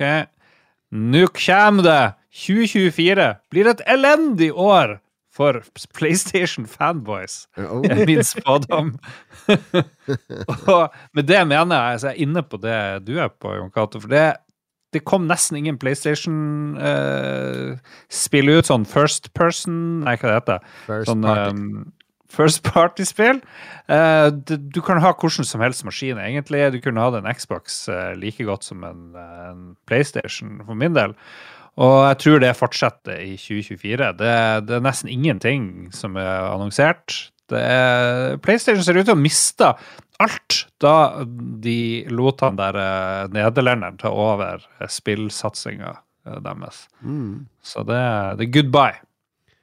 Goodbye, Yellow Break. Sony. Du, okay. du, du. Okay. Min eh, andre spillspådom er at eh, VR eh, VR-sfæren styrker seg voldsomt, for det kommer veldig mange bra nye headset. Eh, og så dukker det opp en, eh, en monster-VR-hit fra Oi. eh, ingensteds, Mm. som okay. Blir en sånn slags organ... Altså, det blir det blir det metaverse han Zuck skulle ønske han kunne bygge. Ja, ja, ja. Nå er du inne på noe. Ja. VR-ens år 2024. VR-ens VR-en VR-ens år. Det er en kraftig spådom, men det, det, det, det er det. Sterke meninger, det er Lolbua. Min siste spillspådom er at uh, i 2024 så kommer vi til å få et uh, spill der eh, AI er en sentral del av spilleopplevelsen. Altså Her må du slutte å kopiere mine jeg har ikke sett på dine i det hele tatt, for du har jo svarta dine. Men AI enhancer spilleopplevelsen, gir det en unikt nytt element som eh, vi aldri har opplevd før i spill. Så AI Ja. det Kommer det noe AI-banebrytende spillelement i 2024? Vi får en haug spill med AI-elementer. eh, Ai, ai, ai! Stupid minds think alike. Ja, ja, ja. Det er kanskje ikke årets banebrytende uh, spådom, men tenk å springe rundt i noen sånne AI-genererte verdener hvor du får liksom du, får, du opplever både galskapen med AI, for den er jo god å bare dikte opp drit, og så masse kunnskap om alt mulig rart. Ikke sant? Du kan dykke ned. Kanskje, kanskje AI-en lager et spill mens du går og tilpasser Ja, jeg, Quests jeg mens du tror bare vi, leter vi etter knapt kan forestille oss hva man kan få til her. Og jeg, jeg spilte jo WoW Mm. Classic eh, nå med Season of Discovery med en sånn AI voice mod som voicer alle NPC-ene. Eh, og det var helt sykt bra. Altså Det er nesten Det er helt utrolig at det er noen dudes som har sittet med AI og lagd Ja, det- forskjellige stemmer til, til alle NPC-ene. Det, det bare skapte et nytt nivå av immersion til eh, spillet ved hjelp av AI. Og tenk hva dette kan gjøre for indie-utviklere, som har akkurat bitte lite budsjett, ikke sant? De som ikke har råd å ansette 200 voice actors, eh, Ja, ja, de vil jo Ok, jeg, har, jeg fikk en genial tanke. Hva om AI-en blir sånn som en gamemaster i, i et rollespill? Sant? Den spør hva har du lyst til å gjøre. Spillet spør egentlig hva har du lyst til å gjøre, og så sier du 'jeg vil gjøre det', og så kan AI-en bare liksom dikte opp litt regler on the Mm. fly. Det hadde vært kult. Du vet, Ja. vår, vår venn AI-professoren, han Frank, han eh, Jeg bodde jo med han for 25 år siden. Og det, vi hadde jo mange diskusjoner om spill og teknologi, og, og da hadde han laga rammeverket til et online-rollespill. Der uh, karakteren din hele tida var logga på i livet i det spillet. Hver gang du logga av, så tok en AI over. Og den AI-en den lærte jo av deg når du spilte.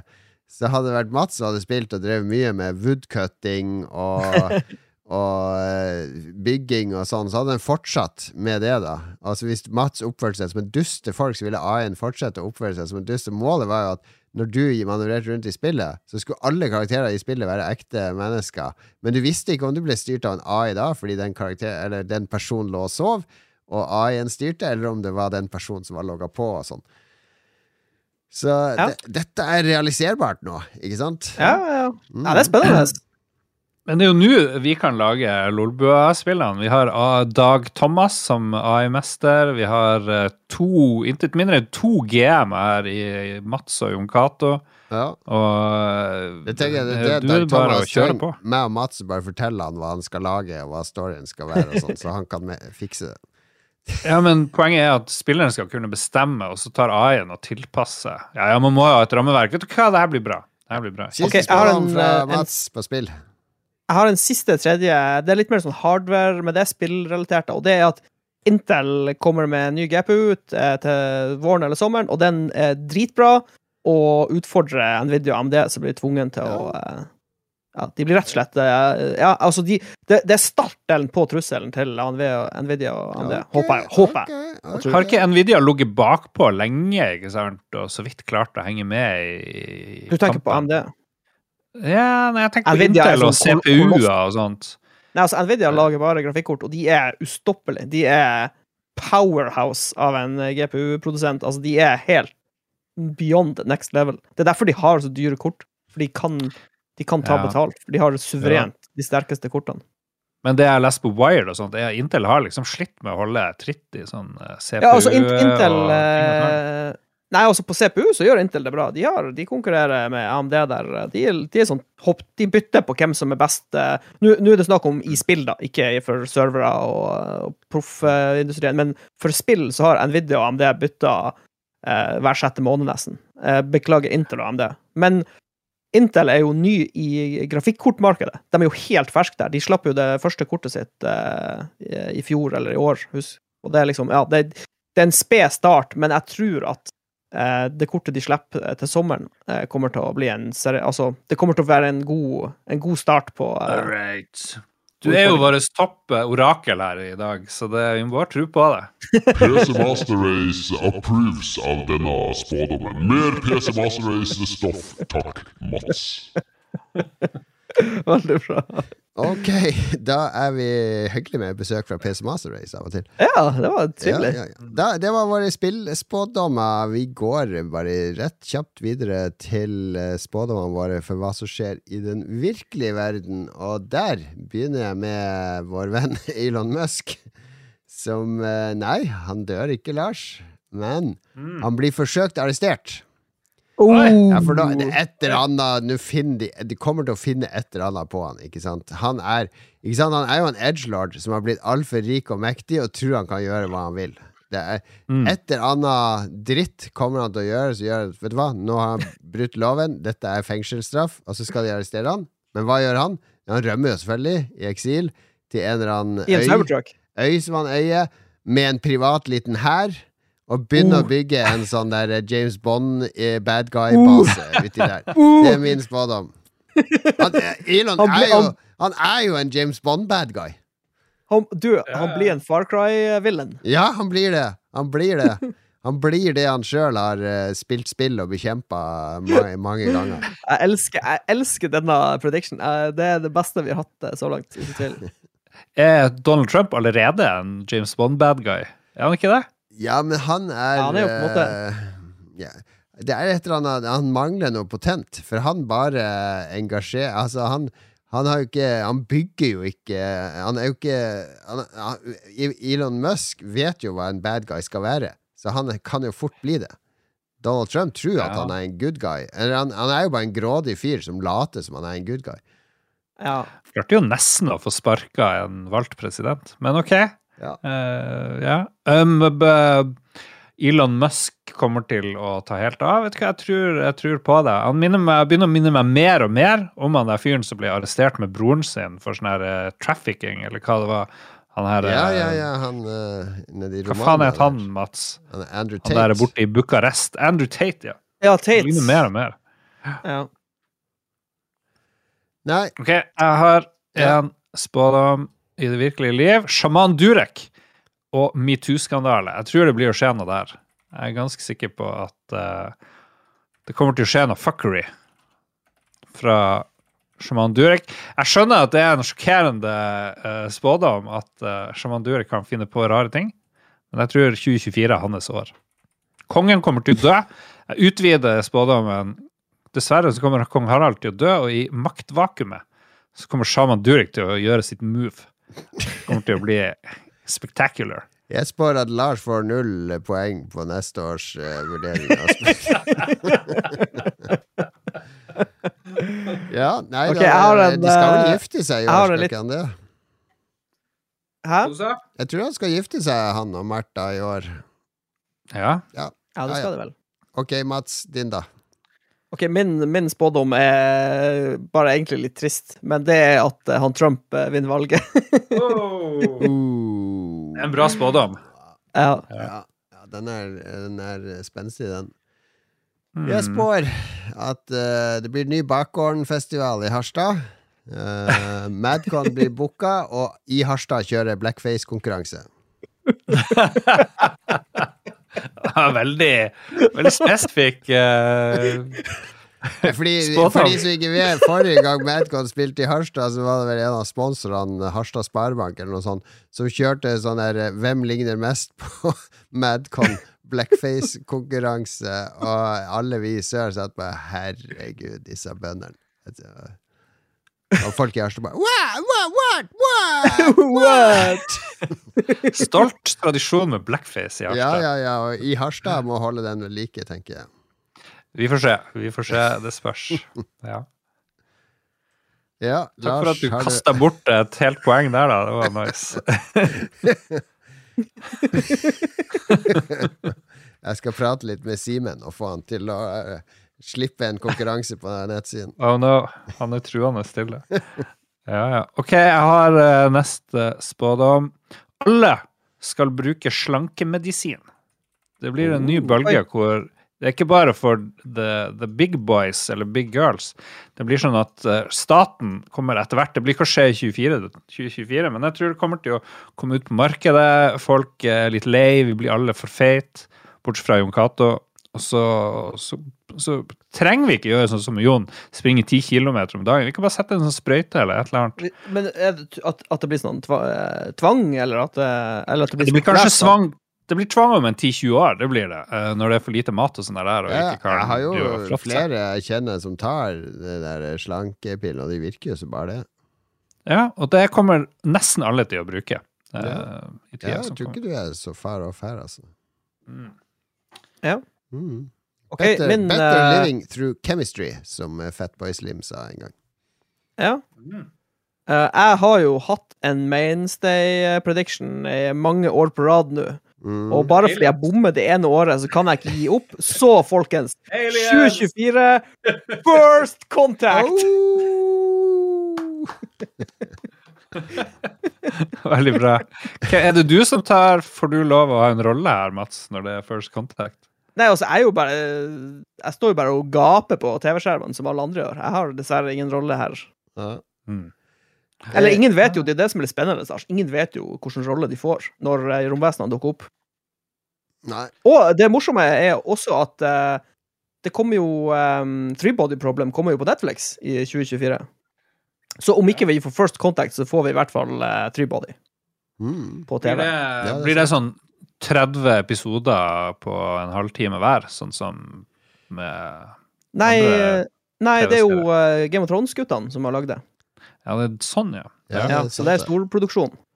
Jeg får se. For jeg har hørt er om Jon Cato, du drev og Ja. anbefalte den Von Carvai-traileren på en sånn TV-serie som har 50 episoder på Jeg en halvtime. anbefalte eller ikke, jeg bare nevnte det for det, for jeg syns Ja, det var ja. litt artig at han eh, Jeg har ikke hørt noe fra ham på syv år, så kommer han med en sånn 24-timers film.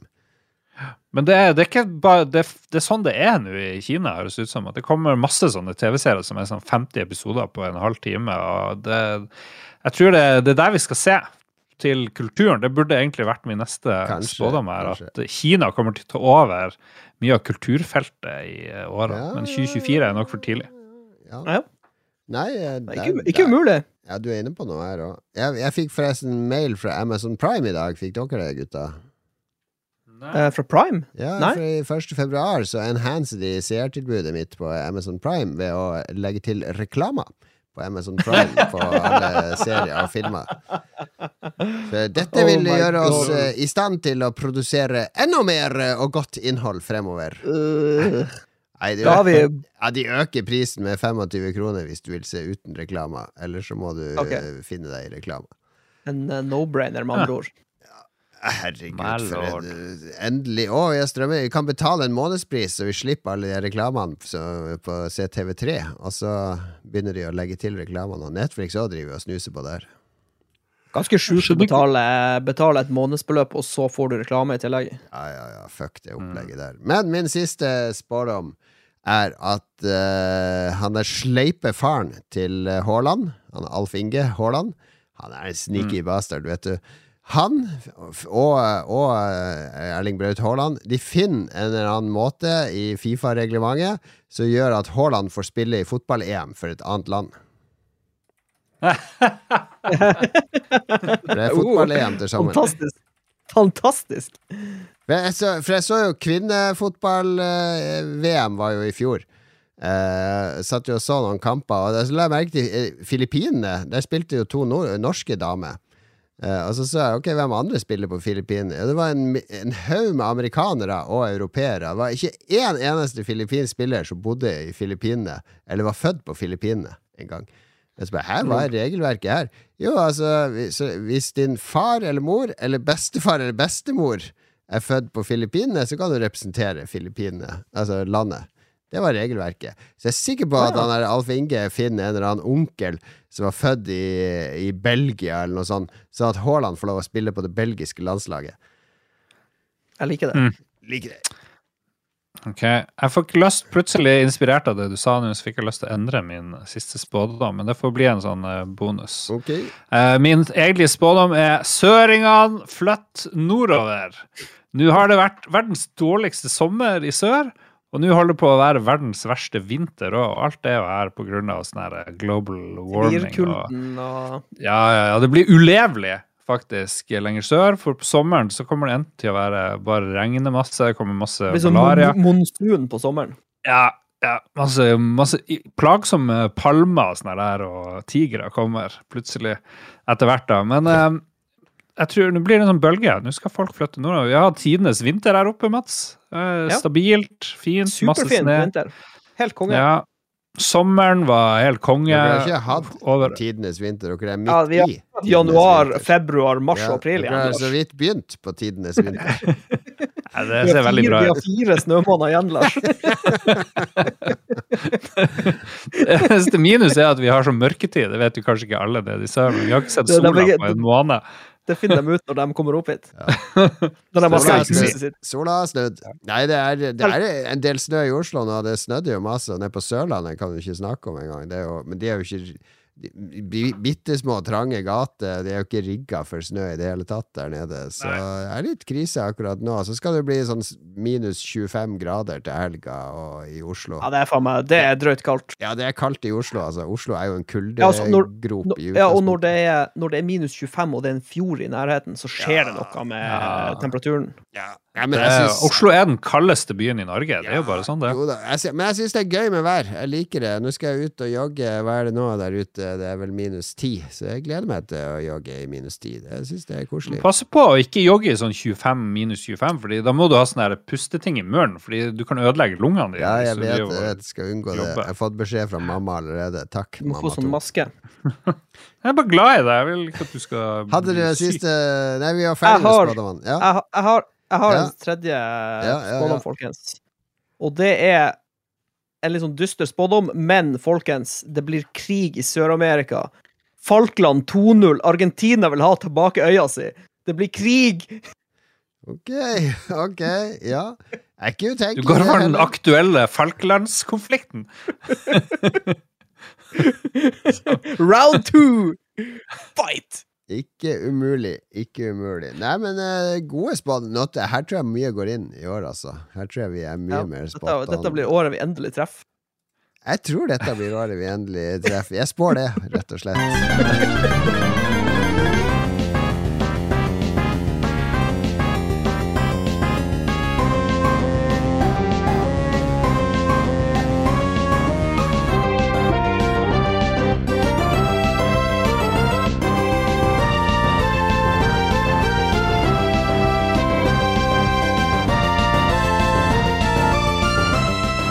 Trainer Battle 2 fra Pokémon Firered og Leaf Green.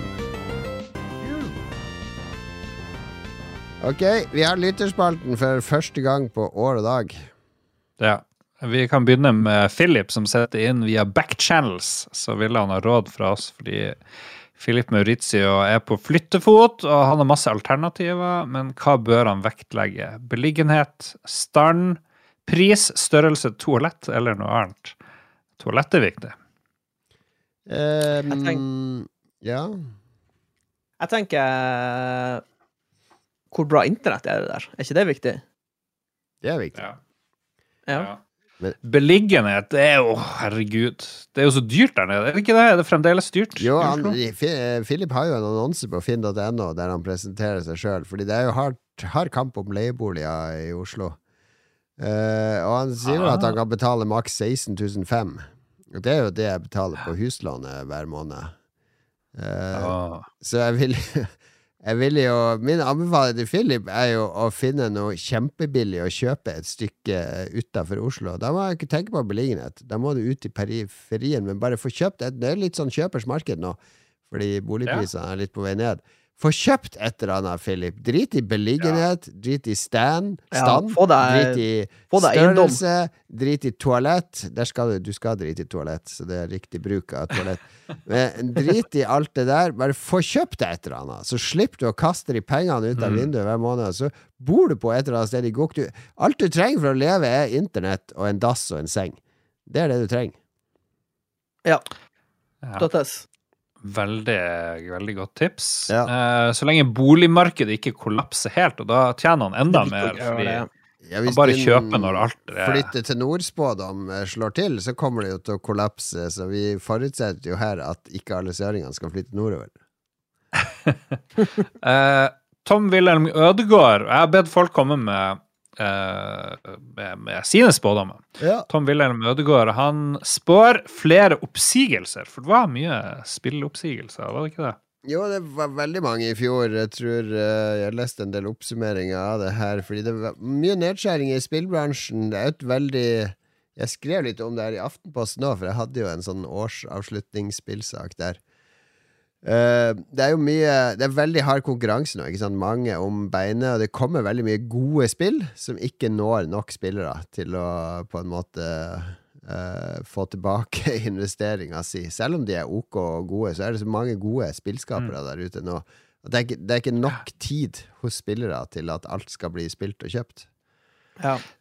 Altså- ja. Hva altså- om vi bare slutter å jobbe pga. AI, og så har vi masse tid til å spille?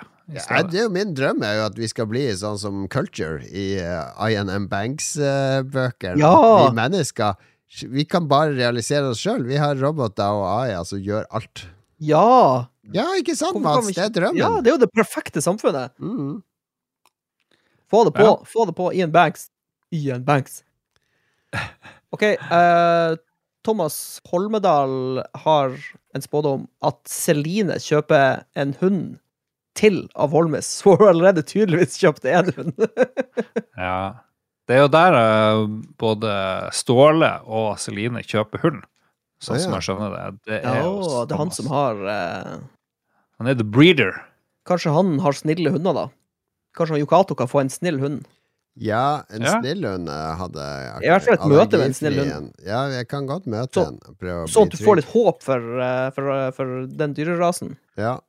Nei, jeg, jeg, jeg, jeg er klar til å bli eh, eh, rehabilitert når det gjelder hunder. At mitt hat kan snus mot kjærlighet. ja. Det, det tegnet på en person jeg liker, det er at de er villige til å revurdere sine standpunkt. Det er alltid. Blind. Det er alltid. Ja. Ja. Det er Der, er vi, der er vi gode. Ja. Ja, der er vi gode. Som, eh, som eh, Sokrates sa, 'Jeg vet at jeg intet vet'. Ja, for han var svensk. Han var, Altså Krates! svensk. Sokrates Söderholm! Hva sier ni, Sokrates? Jeg har en diskusjon på gang! ok, Sokrates Søderholm. eh, Er det, er det flere? Jeg er ikke inne. Jeg kommer meg ikke inn på Du er Facebook. ikke inne. Du har liksom Han, gitt eh, opp Facebook. Håkon Puntervold har en spådom, og han spår at Final Fantasy 7 Rebirth uh, vinner Goti 2024. Jesus lord, kan det der eh, Kan ikke Jeg er så lei av å høre om Final Fantasy 7. Kan vi erklære 2024 for et Final Fantasy 7-fritt år? Vi, det, vi skal ikke nevne Final Fantasy 7 med et ord i Lolbua. Sorry, Philip. Du får komme tilbake i 2025 og være uh, gjest. Nei, det er Nå går vi for langt. Nei, vi må ikke gå for langt. Okay. Ja, nå går vi for langt. Ja, Men ja. fikk du med deg hva som ble Game of the Year i Lolbua Inc. Nei, Jeg eh, i klarte fjor? å snike meg unna episoden. Det var min største lykkedag at jeg slapp å være med på Goti. Det verste jeg vet. Så du vet ikke ikke hva som ble? Nei, Det var et- jeg, jeg Det var et kvalitetsspill som vant. Å, ja. Mm. Ja. Jeg det, det. Får du aldri vite, for du hører ikke på episodene. Det- stoler det ble ikke Sea of Thieves, Ok. for å si det sånn. Um, brr, brr, brr. Mats Leander Solheim Vik eh, spår at AI kan bruke til at vi mennesker kan kommunisere med dyr, og det går jo rett inn på den hundeproblematikken. Oh. Åh. Ja, at, vi kan, at vi kan snakke til en AI, og så snakker AI-en til hunden, hund, og så kan vi faktisk ha skikkelig sånn her eh, Google Translate. Ja, eller vil vi uplifte Eller kan vi uplifte hundene sånn at de blir uh, intelligent på et vis? I hvert fall sånn apekatt-intelligent. det hadde vært koselig. Jeg vet ikke om uh, Da blir det sånn her eh, Rick and Morty med at hundene spør hvorfor vi kutter eh, ballene av dem. hvorfor er dere så slemme med oss? Ja, det er eh, Hvorfor får jeg ikke gå ut? Jeg, jeg, jeg klarer ikke å se hva AI-funksjonen er i akkurat dette, eh, men eh, det kan godt Men. AI-en kan AI-en kan sikkert brukes til å se når hunden må på do og sånn. Ja. En AI kan observere en hund, kanskje, og lære oss en del om hund. Og så Du, vi, ja. Det var jo Det skulle komme et sånn her um... Hvorfor er det så mye hundespørsmål? Jeg vet ikke. Elg, jo, Elge skulle lage en liten robot som skulle kunne brukes til å passe på dyr. En dyrepasser. Sånn var det. Ja. Ja, nei, eh, Ragnar Veien Tundal spår at månedens spillspalte er med i hver eneste Lolbø-episode, sånn at de klarer å komme oss fire år frem i tid. Hvilket år er vi på nå? 87? Ja, vi er snart ferdig med 87, så vi nærmer oss Åh. 88. Tenk når vi kommer på 90-tallet, og jeg kan uh, Ja, bidra ja, fornuftig. Ja, ja, vi skal eh, vi, Den er tilbake i neste episode, den spalten, altså. Ja, det blir bra. Jeg gleder meg. Mm. Han, eh, Morten Benkestok Olsen har en rekke kvalitetsspådommer. Uh, han tipper at ingen F-16 blir levert til Ukraina. Han spår at AI tar over TV2 Nyhetskanalen. Og disko fra 70-tallet gjør tilbakekomst. Ja, Eh, og han spår at Kirsti Sparbo og kongen dør. Så det var heftig. det var litt av en uh, Litt av et trekløver. Disco is back. ABBA hadde jo en ny plate i fjor, men det ble ikke noe diskobølge av den grunn. Så jeg tviler litt på det her med diskogreia. Ja. Vi får se. Discos Out, uh, Murders In. Den boka kjøpte jeg i julegave til en kompis. Meget bra bok. Om Frank the Shank. Oh. Frank, please stop shanking people. Han Markus Storm Dalsegg eh, spår eh, at sånn helt fra hofta Nintendos neste konsoll har en kul VR-mulighet. Og da tipper han tenker på noe sånn gimmick eh, med noen sånne kontrollere eller et eller annet, kanskje. Noe gyro eller øye-hånd-kontrollere eller noe sånt. Ja. Mm. Ja. Kan det hende. Kan det hende. Kanskje. Jeg vet ikke. Nintendo prøver å gjøre ting enkelt, gjør de ikke det? Jo, de hadde jo de her um, De her eh, til Switchen at du kan liksom at, hadde, Prøvde de det ikke på noen sånne gyroting? gyro-ting? At du liksom kunne bruke de til sånn her eh, Dra, skyte med bue Jo, Switchen det var jo bare var jo sånn Det er jo bevegelseskontrollere til Switchen, men nå Ja. lager de jo ingenting til det lenger. Nei. Nei. Litt typisk Nintendo, egentlig. Uh, Stefanie Sjønstad spår at The Voice-Ståle blir med på Kjendisfarmen.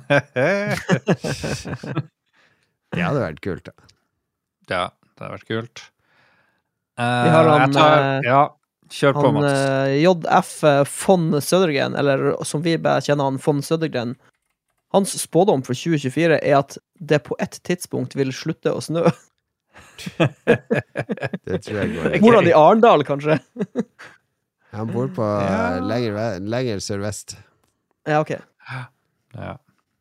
Uh, Olav Øyan, det her er nest siste. Tror lungemos gjør tilbakekomst som mid middagsmat. Jeg har aldri spist lungemos, tror jeg.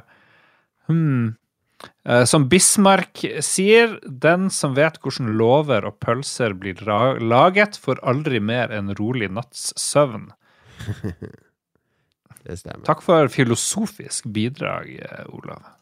Ja. Han avslutter også med 'Kan vi spise pølser? Kan vi spise lungemos?' Og til slutt, Mats. uh, har vi han uh, Trygve Bjelvåg, som uh, vil høre vår spådom om hvem som stryker med i 2024. OK, jeg har, jeg, har, eh, jeg har faktisk én spådom, og det er at han Jeff Bezos stryker med, for han, han har tatt så jævlig mye testo at nakken hans blir så stor at han på et tidspunkt ikke får puste. Han høres ut som en sånn WWE-wrestler nå. Sånn her, yeah, come on, boys. Så det, det Jeg kan er informere jeg kan informere om at Mel Brooks, den eh, anerkjente regissøren og skuespilleren og komikeren, er 97 år gammel. Så Det er ikke lov, å, on a limb. eh, det er ikke lov Yes. å ta sånne hundreåringer. Ja, jeg sier- i- lurer også på det. Det burde være litt mer sånn ballsy å gå for Du får Mar- minus 100 poeng hvis han dør. Gå for uh, Martinus i Marcus og Martinus, eller noe sånt, for eksempel. Ja, ikke sant? Altså, Da, det er litt spicy. Litt Nei, mer det er jo ballsy for her. trist. Ja, det er jo tragi tragisk. Det er jo det, det, er jo det som er Å trist. spå at dør. Jeg spår at uh, verdens eldste person dør. Uh, Ja, jeg får litt dårlig Men hvem var spådde ikke du at han Elon Musk dør, eller hva var vi spådde? nei, han ble nesten arrestert. Du spådde i fjor at han døde. Ja, du bomma. Ja. Ok, jeg spår uh, Joe Biden dør. ja, fy faen. Det skulle bare mangle. Uh, borgerkrig i USA. Nei, nå er vi ferdige, gutta. Nå er vi ferdige. Men Ja. siste spådommen vi har, uh, hvem vinner Eurovision? Oh, Oi. Malmö oi. i, ja, i, i mai. Ehm, jeg tror uh, Jeg tror Storbritannia, eller England? Storbritannia? Hvem er det? Stor, Er det England? Storbritannia har ikke vunnet siden Jo. Uh, he- Men nettopp! Ja, Det er det som er hele poenget mitt. De, de, de vinner aldri, men i år vinner de. Okay. Underdogs. ok, Lars. Jeg synes- Ja, Sterk spådom fra Mats. Fordi Hvis de bare har en litt decent sang, så kommer folk til å stemme på England. Bare Ja, for det sånn hadde- ting Det året som Ukraina vant, så hadde jo England den nest beste låten. Han der eh, langhåra hippien med Space-låten. Det var sinnssykt bra. Ja, stemmer. Ja. Jeg vet da faen Men om da var det stemmer, krig, men ok. brutt ut krig, ikke sant? Så Ukraina Og de hadde jo en fet uh, Fet De hadde en bra nok sang. Ja. Har Island vunnet noen gang? Jeg vil at de skal vinne, så jeg går for Ja, dem. de, spør, de snakker jo om å boikotte i år fordi Israel er med. Så det er ikke sikkert Island er med. Ja, jeg er for så vidt enig. Jeg tror kanskje Fuck ikke Israel. Israel vinner. Det tror jeg jeg sitter langt inne i år. Så det er, en, det er en long shot. Men eh, jeg skal gå i, et, I år så har jeg troa på eh, Polen. Polen kommer til å slå til i år. Og showet kommer jo til å bli avbrutt på et tidspunkt av noen sånne demonstranter, så vi ses forakt eh, for kanskje, eh, kanskje. Israel et eller annet. Vi Ok, Lars Island, Mats UK og Jon Cato. Hva du stemte på, sa du? Polen. Polen. Polen. Ok, da har vi det på svart på hvitt. Skal vi se Da gjenstår det vel egentlig bare å takke våre produsenter. Nå skal jeg bare sjekke den oppdaterte produsentlista vår her, sånn at den blir helt riktig. Jeg prøvde å sjekke den i dag, så jeg Ja, tror det. Den er riktig. Og de må vi jo eh, Vi må takke de som at de er plagsomme ville hunder som bare vil leke. Tett av eksempel! Da, ned! Bort! Nei! Bort, bort! Tett av sammen! Duke Jarlsberg! Sitt, Duke Jarlsberg! Sitt! Nei! Nei! Eh, dere må bare gå videre. Ok. Det er borte. Ok, lyden forsvant for Mats. Eh, Christer Lysaker, syng! Christer Lysaker, her, ta den pølsa! Ta den pølsa her i stedet! Nei, nei, ligg unna, Christer! Christer tok feil pølse. Hei, Hongkong, ja, hei, så fin. Nei! Ikke spise nesen min. Nei! Ah! Ah! Ok, da takker vi eh, for oss med litt uh, musikk. Eh, spill litt uh, spill som du burde sjekke ut nå når du har fått deg ordentlig VR, Lars. Tetris Effekt i VR. Ha det! Ha, det er mag... Hva det Mats holder på? Han later som han Ja. Ha det, Mats. Takk for det. Tetris Effect, Lars, det burde du sjekke ut. Jeg skal sjekke det ut. Yes. Ha det, Mats. Ha det. Ha det. Ha det.